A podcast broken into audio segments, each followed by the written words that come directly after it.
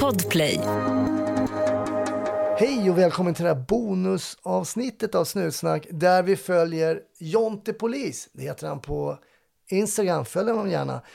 Han går på polisutbildningen i Växjö och eh, ja, vi håller helt enkelt, Snutsnack håller koll på honom och hur det går för honom. Då har det hänt grejer kan jag säga från förra månaden så eh, ja, men ha en trevlig lyssning, var försiktig där ute och Jonte Polis på Instagram och vi finns ju såklart på Facebook och Instagram också. Och vad heter vi? Jo, Snutsnack.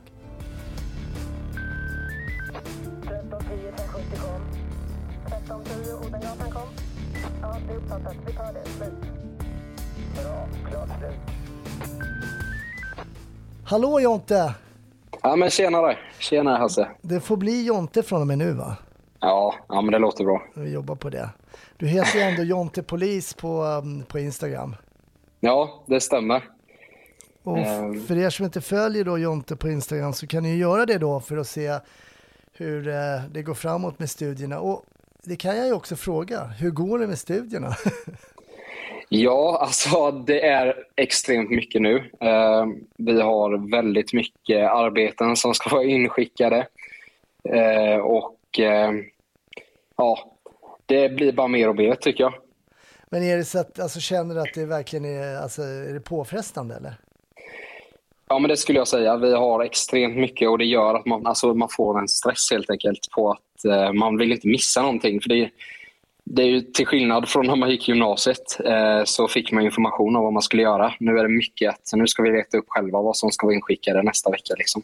Så att det blir mycket extraarbete men eh, det är lite spänning i det också tycker jag. Ja, men jag fattar. Jag tyckte jag Ja. såg också att ni har börjat, såg jag inte er på skjutbanan också?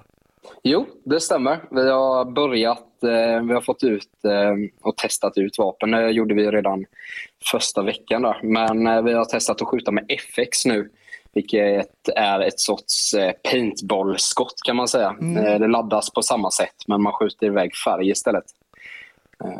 Bara för att testa på att skjuta iväg skott helt enkelt. Okej, okej. Men är det då Ja. handhavande också det här, plocka isär och så att man vet hur vapnet fungerar? Och ni... Ja, men precis. Det är det också. Eh, och vi har även tenta på det nu eh, om någon vecka framöver då vi ska veta vapnets alla delar och i vapnet också vad de delarna heter. Just det.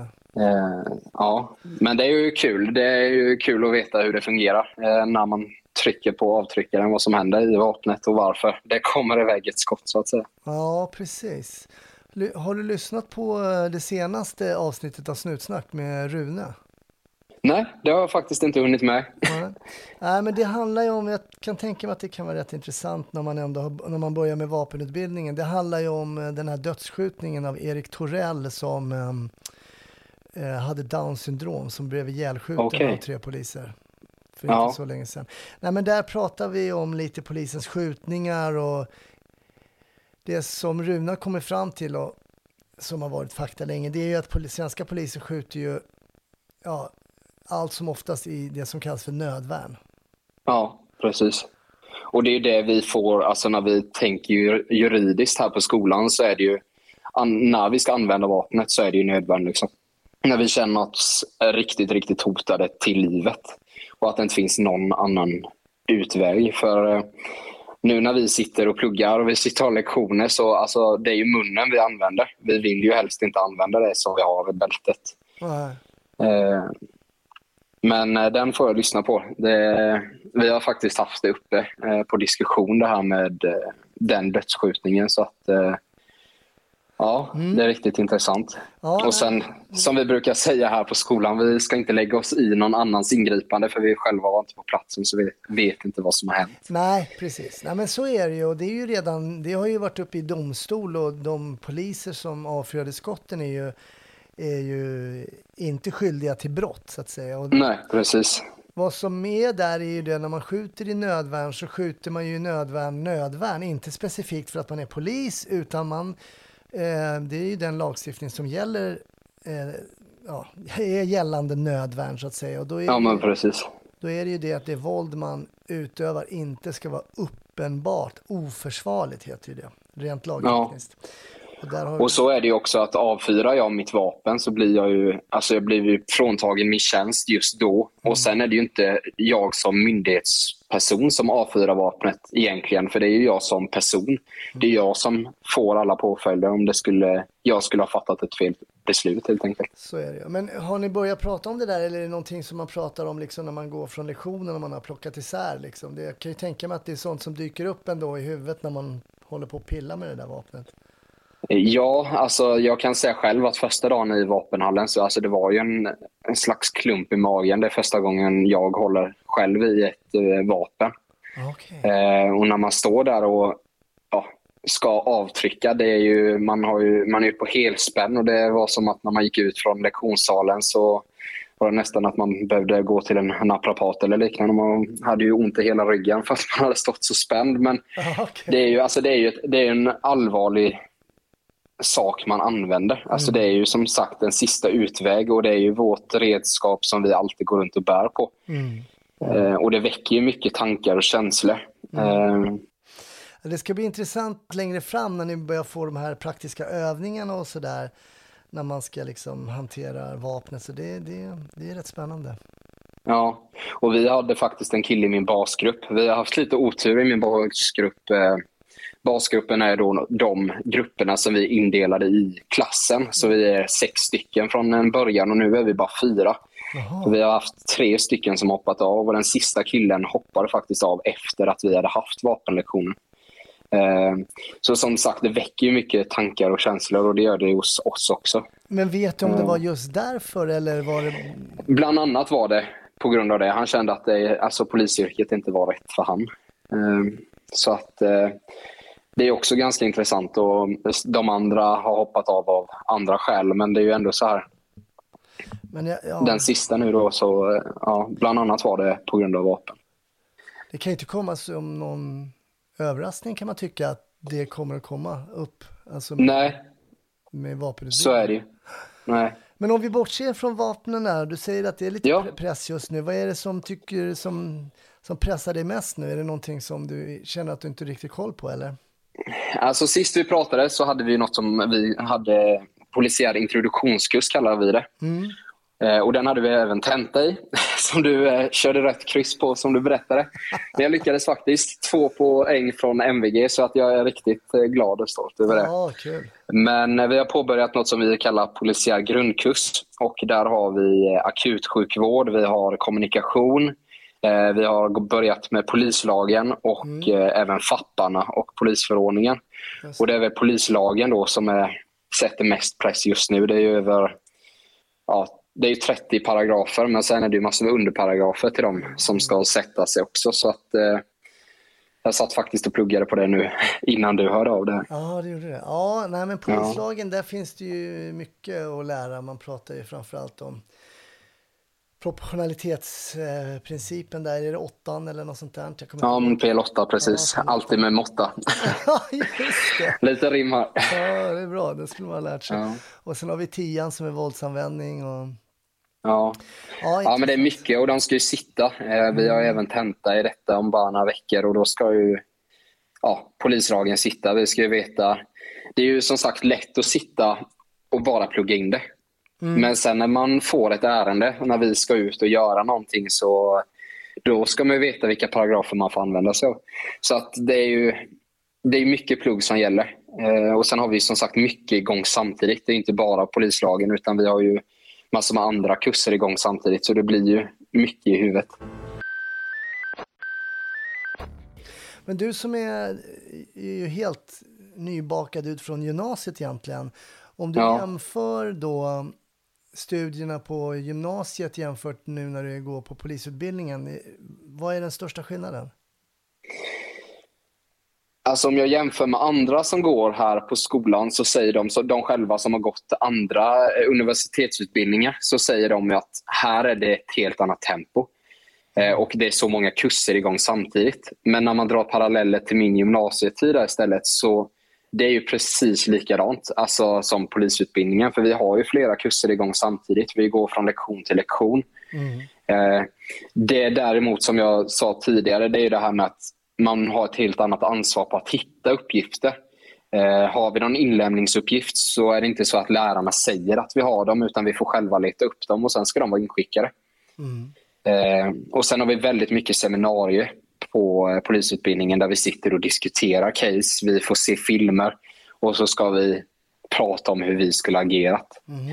Eh, ge något det är lite annorlunda. Kan du ge något exempel på någon sån film? Ja, vi såg en eh, igår faktiskt med en eh, kvinna som eh, hade ringt in till polisen. Eh, från RLC, regionledningscentralen, så eh, kom larmet ut till polispatrull om att eh, det var en misshandel i eh, ett hem eh, där telefonsamtalet hade avbrutits. Eh, och då hade man ju ganska oklara ingångsvärden. Eh, Och när man kommer då till plats som polis så eh, sitter en kvinna i eh, upplöst, upplöst tillstånd och gråter och kan knappt prata. Eh, Och säger att hela hennes kök har blivit sönderslaget. Eh, Och när poliserna kommer in så är det två muggar som har gått sönder. Det är allt. Eh, Men i hennes värld så är att hela köket har gått sönder och att det ska vara en man på platsen. Eh, och när poliserna letar igenom lägenheten så hittar de en man liggandes i hennes säng. Och polisen går in med en attityd om att ja, han har misshandlat henne. Då. Men när de väl får kontakt med mannen så har han druckit lite eh, och av misstag plockat eller ska ta en mugg, tappar den i golvet och råkar stöta till en, an, en andra mugg då, så att den också far i golvet. Och för att inte det ska bli mer hetsigt så går han in och eh, stannar i sovrummet för att han inte vill göra henne mer ledsen. Så att där är också en situation, det är egentligen inte begåtts något brott. Nej. Eh, Men ja, där kan man sitta och diskutera då hur man ska hantera kvinnan. Hur ska man prata med henne? Hur ska man hantera mannen? Vad ska man göra med han? Just det. Eh, Just det. Hon vill inte ha han på platsen. Vilka lagar är det som bestämmer att vi får avvisa han därifrån och så liknande. Så mycket sånt har vi börjat med. Eh, Och Det är väldigt väldigt intressant för det är ju, alltså alla ärenden som kommer in till polisen är egentligen kanske inte polisiära. Nej, så, så är det ju verkligen ibland. Och det, de är framförallt inte exakt det man tror det ska vara. Det har man ju hört mycket Nej. i podden om inte annat. Ja, man får in ett ingångsvärde och så är det något helt annat när man kommer till platsen. Ja, precis. Ja, det, där är, det där är väldigt intressant. Man måste verkligen gå in med ett öppet sinne ibland när man kommer till de här casen för att det kan verkligen vara precis vad som helst. Ja, och det man tydligt såg på den här filmen också var att den ena polisen, han som gick fram till mannen, eh, han ställde sig nästan svor åt mannen och var, hade väldigt utåtagerande bemötande. Vad fan har du gjort i köket? Liksom? Eh, Har du slagit sönder grejerna och liknande? Och mannen hängde ju på hans beteende då och började också bli utåtagerande mot polisen. Eh, Och jag har inte gjort någonting, började de och skri- han skrek då till polisen och då backade polisen tillbaka. Eh, Och där är det ju lite som polis också. Det kanske kan vara svårt ibland. Då måste du tappa ansiktet lite. Eh, det här med att ja, men jag backar undan. Okej, men vad, har, vad är det som har hänt? Och då blev situationen lugnare. Eh, Men det är också någonting vi tränar mycket på, det här med kommunikation. Hur Man ska prata med, olika, eller med människor i olika situationer och det här med konflikttrappa och eh, konfliktpyramid och liknande. Ja, men intressant, intressant. Det, mm, just det där med att studsa mellan människors liksom, tankar och veta vad man ska lägga sig på för nivå. Ja. Den är ju inte alltid helt enkel och det behöver man ju inte tänka på egentligen som polis. Det kan ju vara ibland man med nära och kära eller något sånt där. Var, var ska jag lägga mig liksom? Ja. Eller om man bråkar med någon vän eller något sånt där. Eller, ja. ja, det där är himla... Ja, men det var något bra ett exempel som en polis sa och det var lite det här att ibland kan det till och med bli provocerande den metoden men om du går fram till en person som är riktigt jädra förbannad ställer du dig och ler och pratar jätteglatt med den så har den förmodligen väldigt svårt att fortsätta vara arg. Nej, men det var I vissa fall så blir den provocerad av att du eh, beter dig så men i andra fall så kanske du helt enkelt inte kan fortsätta vara arg mot polisen eftersom den är glad och positiv mot dig. Det där, min, jag har alltid gett ett liknande råd, men jag har alltid sagt att man ska vara eh, otroligt trevlig. Kanske Ja. står och le kan ju ibland verka lite provocerande tror jag, men, Ja. men att alltid vara otroligt trevlig, eh, det är alltid, det tycker jag också, man behöver inte gå till det polisiära, utan man kan gå liksom lite till det privata. Du vet ibland man ska säga till en polare, så här, "Fan, jag ska säga till han det där som vi gjorde förut, det var inte okej. Men sen man kommer dit så är han så jävla trevlig, så det går Ja. inte. det är svårt Nej, alltså, det att vara blir väldigt, väldigt otrevlig mot svårt. trevliga människor. Det är faktiskt, Ja. det är i grund, om man inte liksom är rabiat av någon annan. Men i grunden är det svårt att vara otrevlig mot trevliga människor. Så det, är nog, Ja. det var nog det han syftade på. Det tycker jag är en jättebra utgångspunkt faktiskt. Ja, och går man tillbaka till det med vapnet, det är likadant. Ställer jag och skriker eh, “Polis, lägg ner vapnet!” Det kanske inte går in hos den personen, men jag kanske kan stå med ett skarpladdat vapen och säga “Hej, vi kommer från polisen. Skulle du vilja lägga ner ditt vapen?” Alltså, det, ibland i vissa situationer så kanske det inte hjälper att stå och skrika. Liksom. Eh, för då kanske den personen blir ännu mer provocerad utav det. Ja, det är vad Och det är man sagt hamnar från- själv i för pulsnivå också. Beroende på precis. vad personen har för vapen så är det jävligt svårt kanske att säga hej, kan du lägga ner din eh, machete? Alltså det blir ju... ja, ja, men precis. Det är ju, måste man, man vill ju Ja. vara jävla noggrann med att man ändå är ty, tydlig att det går fram ja, budskapet. så att det inte blir helt fel. Men hur är peppen nu då? Jag menar när vi pratar, vi har pratats vid två gånger innan. Ja. Och eh, peppen har ju varit en femma om vi säger på en femgradig skala. Hur är den nu då? Efter typ drygt två månader. Ja, vi diskuterade det här med basgruppen sist. Där har vi haft lite konflikter och vi har haft våra bråk. Eh, Det hade vi inte sist vi pratade. Nej, precis. Eh, och det är också intressant hur gruppen eh, ja, ändrar sig lite. Vi har som sagt haft konflikter och vi har satt oss ner och rätt ut dem. Men det har ändå varit så här. Det är nästan som man har blivit så här, "Äh, fan jag orkar inte det här mer. Jag hoppar av den här eh, jävla utbildningen. Liksom. Ja, det redan eh, lite till och med så har det varit. en sån känsla ändå. Ja, att nu, nej, nu lämnar jag in bältet och eh, För när vi pratade första då, så alla är så trevliga och, Ja. och det, men det, Och den stämningen kan jag säga, den är fortfarande kvar. Ja, den är det. Men eh, i våra basgrupper så har det ändå varit de här små konflikterna. Ja. Eh, och nu med tanke på att vi bara är fyra och att vi från början var sex Mm. har gjort att vi alla har blivit så här, okej nu ska vi göra extra mycket. Har vi grupparbeten som är utformade efter sex personer, vi är fyra stycken som ska sätta oss ner med detta. Lite så har ju tankegångarna varit. Ah, och vi har även suttit ner med rektorn och haft eh, möte angående detta. Så att, ja, det har ju ställt mycket frågetecken. Och det har även skapat konflikter helt enkelt. Så vad har vi peppen då om vi ska ha det som ett genomgående tema här när jag pratar med dig? Om det var en femma förra då, vad ligger vi på idag? Ja, men jag kan säga att den, är, den har sänkts till en fyra, men den är fortfarande uppe för att vi har haft väldigt mycket kul saker denna veckan. Så att, eh, det har kommit tillbaka. Ja, det är bra.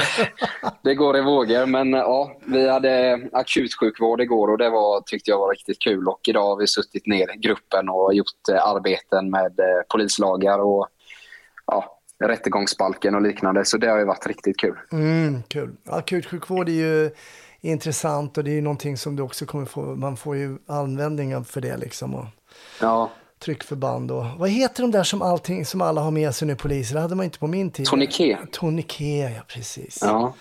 Och det, pratade, det är också intressant. Ja, men jag pratade med, ehm, jag hade honom som gäst, eh, ställföreträdande polischefen ute på, i polisen i Rinkeby.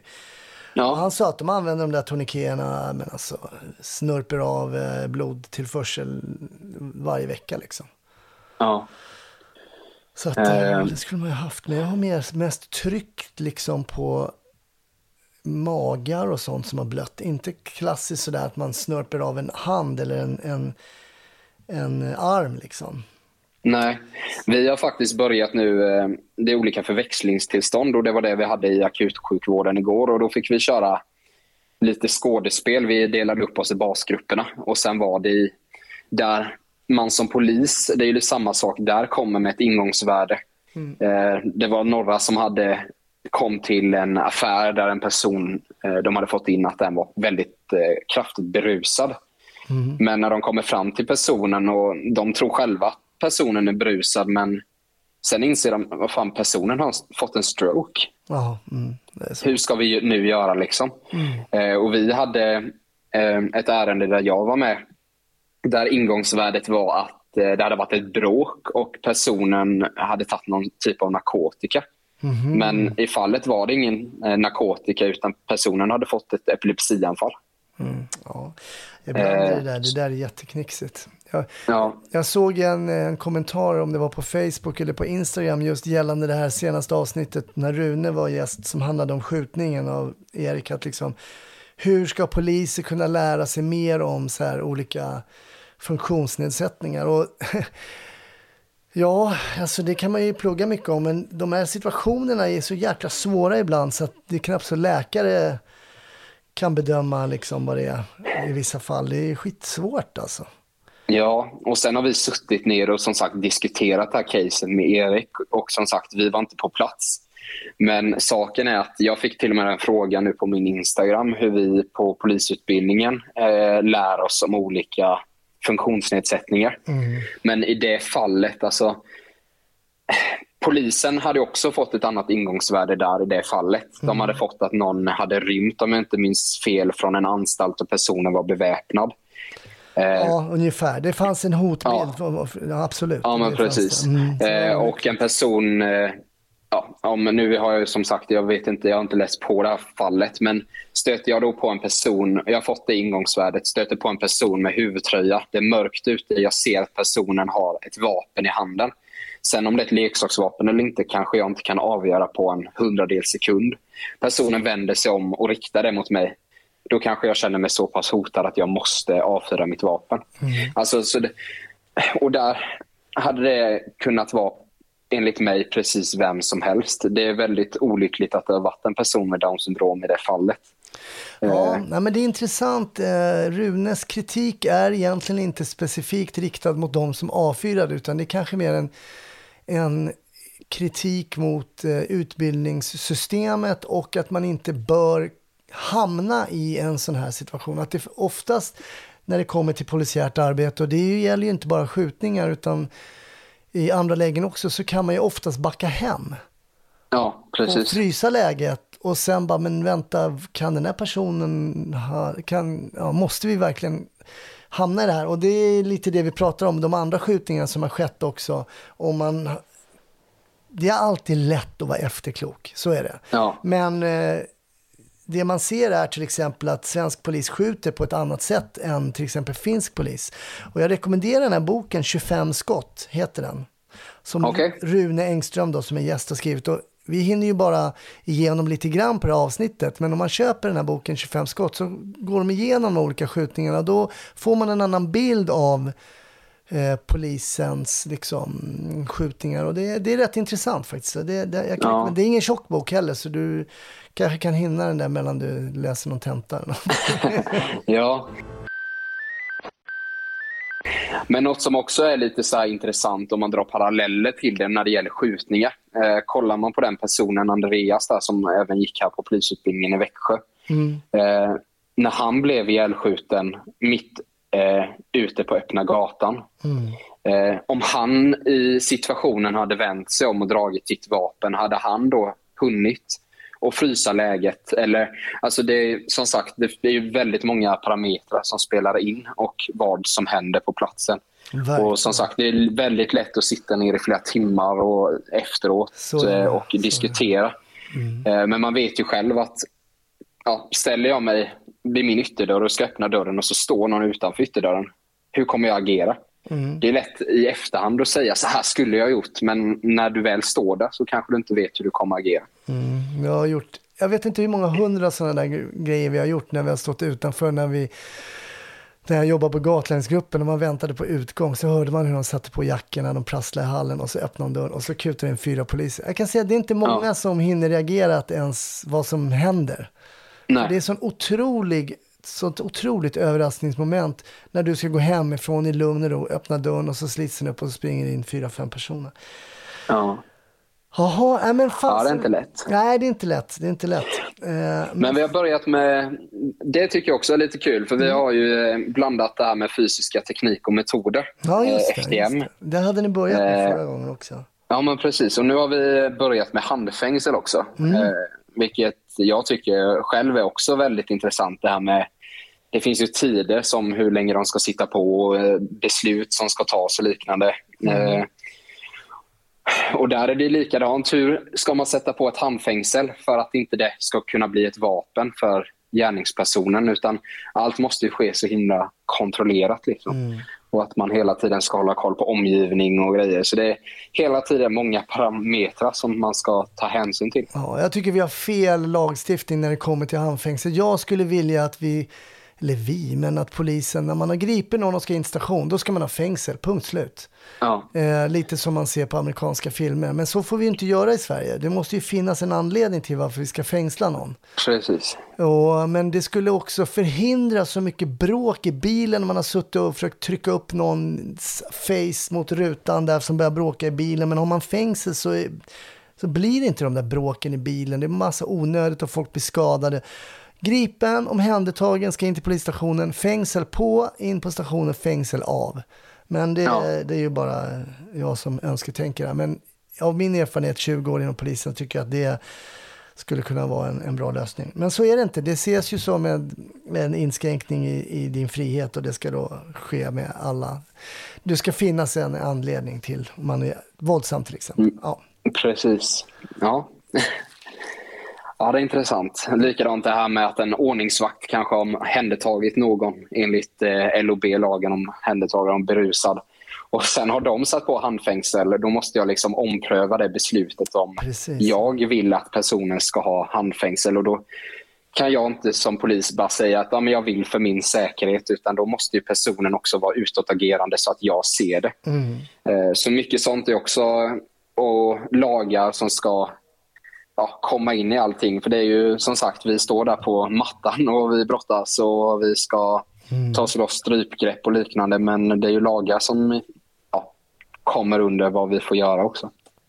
Jag vet inte om jag berättar det här case, vi kan runda av med det så får du fnula på Ja. den. Men jag, vi grep, två killar gick in på toaletten på Spybar i Stockholm och då är det inte alltid för man tror att de ska kissa i kors bara, utan då är det kanske någonting annat. Och mycket riktigt då när vi öppnar dörren så står de där och har lagt upp liksom kokain på toaletten och sådär. Och det var det en riktigt stor kille och en lite mindre kille. Ja, den här stora killen, jag tar honom direkt, jag bojar honom direkt, får man göra det? Äh, nej, men jag vet, inne på Spybar och allting, jag bojar honom, går ut, vi går in i en port bredvid.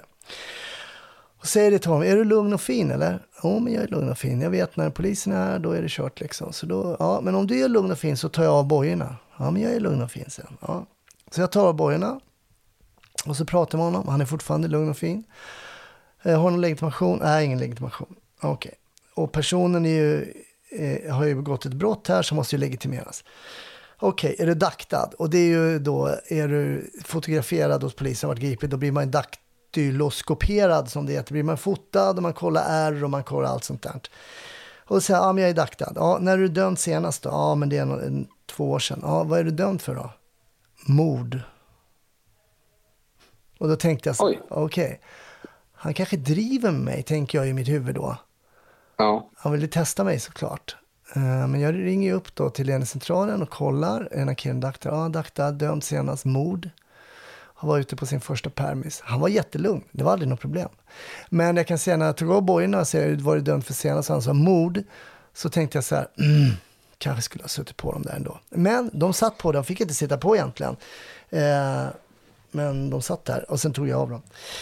Men men, eh, det var ju ute i gråzonen det där. Det ska man ju inte vara. ja det är väldigt mycket som vi har i, på skolan också som vi sitter och diskuterar. Vad är gråzon och vad är Nej, inte? men ibland så gör man saker, det, det gjorde jag i alla fall, eller vi ska säga, vi gjorde saker för det var, funkade praktiskt och det blev eh, mindre strul och mindre bråk och mindre tjafs. Ja, men, och ibland eh, kanske det är det rätta. Men, men du får gå på skolan, vad säger på skolan här nu. Ja, du, eh, super, en fyra på dig eh, Jonte, det är toppen, vi ska runda av nu. Eh, men jag tackar och bockar så länge och så hör jag mig igen, om typ en månad igen då. ja, men gör så. Det låter super. Plugga på nu, polislagen. Det ska jag göra. Tack Hasse. Tja!